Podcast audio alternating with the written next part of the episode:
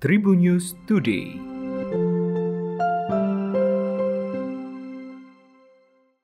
Halo Tribuners, berjumpa kembali bersama Hakim di Tribun News Today dan Hakim akan berbagi informasi menarik hari ini mulai dari informasi nasional, regional, selebritis dan juga olahraga. Jaksa Agung Muda Bidang Tindak Pidana Khusus Kejaksaan Agung Republik Indonesia telah menerbitkan surat perintah penyidikan atau sprindik perkara dugaan tindak pidana korupsi pada pengelolaan dana investasi di PT Asuransi Jiwa Taspen tahun 2017 hingga 2020. Surat ini diterbitkan pada Selasa 4 Januari 2022 kemarin. Dalam surat tersebut ditandatangani langsung oleh Direktur Penyidikan pada Jaksa Agung Muda Bidang Tindak Pidana Khusus. Kapus Penkum Kejagung Republik Indonesia, Leonard Eben menjelaskan bahwa kasus tersebut bermula pada saat PT Asuransi Jiwa Taspen atau PT AJT ini melakukan penempatan dana investasi sebesar 150 miliar rupiah pada 17 Oktober 2017 lalu. Dana itu ditempatkan dalam bentuk kontrak pengelolaan dana atau KPD di PT Emco Asset Management selaku manajer investasi dengan underlying berupa medium term note atau MTN PT Prioritas Raditya Multifinance PT PRM. Ia menerangkan dana pencairan MTN tersebut oleh PT PRM tidak dipergunakan sesuai dengan tujuan MTN dalam prospektus melainkan langsung mengalir dan didistribusikan ke grup perusahaan PT Sekarwijaya dan beberapa pihak yang terlibat dalam penerbitan MTN PT PRM sehingga gagal dibayar. Akibat perbuatan tersebut, Leonard mengatakan negara diduga mengalami kerugian hingga 161,6 miliar rupiah. Jumlah kasus baru COVID-19 di Tokyo, Jepang kian hari semakin meningkat. Tercatat pada Rabu 12 Januari 2022 kemarin, jumlah kasus meningkat 228 dibandingkan sehari sebelumnya pada Selasa 11 Januari 2022.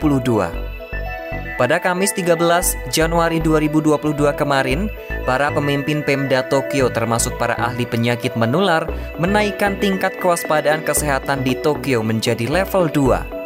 Di Tokyo jumlah kasus COVID-19 yang dikonfirmasi pada tanggal 12 Januari melebihi 2000 atau lebih dari lima kali lipat dari satu minggu yang lalu. Rata-rata selama tujuh hari menjadi 1148 yang lebih dari delapan kali lipat dari minggu sebelumnya.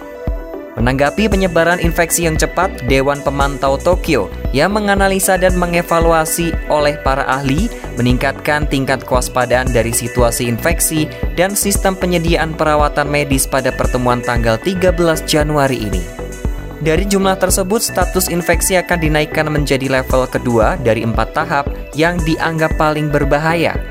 Peningkatan tersebut telah terjadi selama dua minggu berturut-turut di Jepang. Musisi dan bintang film Ardito Pramono ditangkap Polres Metro Jakarta Barat terkait kasus dugaan penyalahgunaan narkotika jenis ganja.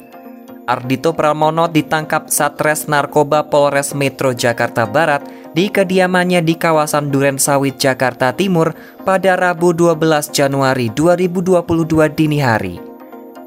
Ardito Pramono terlihat digiring oleh penyidik Satres Narkoba Polres Metro Jakarta Barat untuk pemeriksaan kesehatan. Dari pantauan tribunnews.com, Ardito Pramono mengenakan kaos berwarna putih dan masker berwarna merah. Ia tampak menunduk ketika dibawa dari tahanan ke ruangan tes kesehatan. Ardito Pramono tidak bicara sedikit pun saat ditanya oleh awak media. Ia memilih untuk menunduk untuk menghindari tatapan dari kamera wartawan. Kapolres Metro Jakarta Barat Kombes Pol Adi Prabowo membenarkan pihaknya menangkap musisi dan bintang film Ardito Pramono.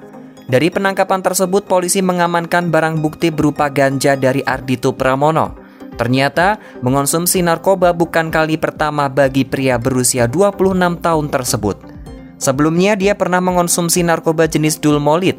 Disebutkan Ardito mengonsumsi narkoba itu karena masalah keluarga. Gubernur Jawa Tengah Ganjar Pranowo mendukung keikutsertaan West Band di Solo dalam IBL 2022. Sebagai wakil Jawa Tengah, West Bandit Solo juga memiliki pemain home ground. Ganjar mengatakan para pemain itu bahkan sempat memperkuat tim PON Jawa Tengah pada pagelaran PON Papua.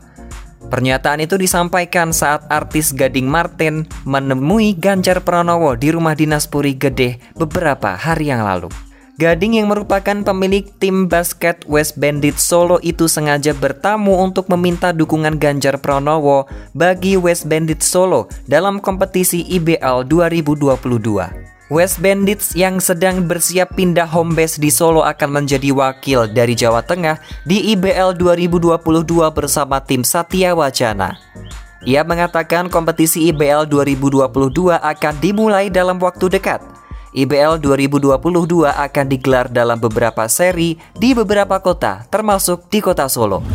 Demikian tadi empat informasi terupdate hari ini dan jangan lupa untuk terus mendengarkan Tribunnews Today hanya di Spotify Tribunnews Podcast dan juga YouTube tribunnews.com. Tetap patuhi protokol kesehatan 3M dengan memakai masker, mencuci tangan, dan juga menjaga jarak atau menjauhi kerumunan. Saya Hakim pamit, salam sehat untuk semua dan sampai jumpa. Tribunnews Today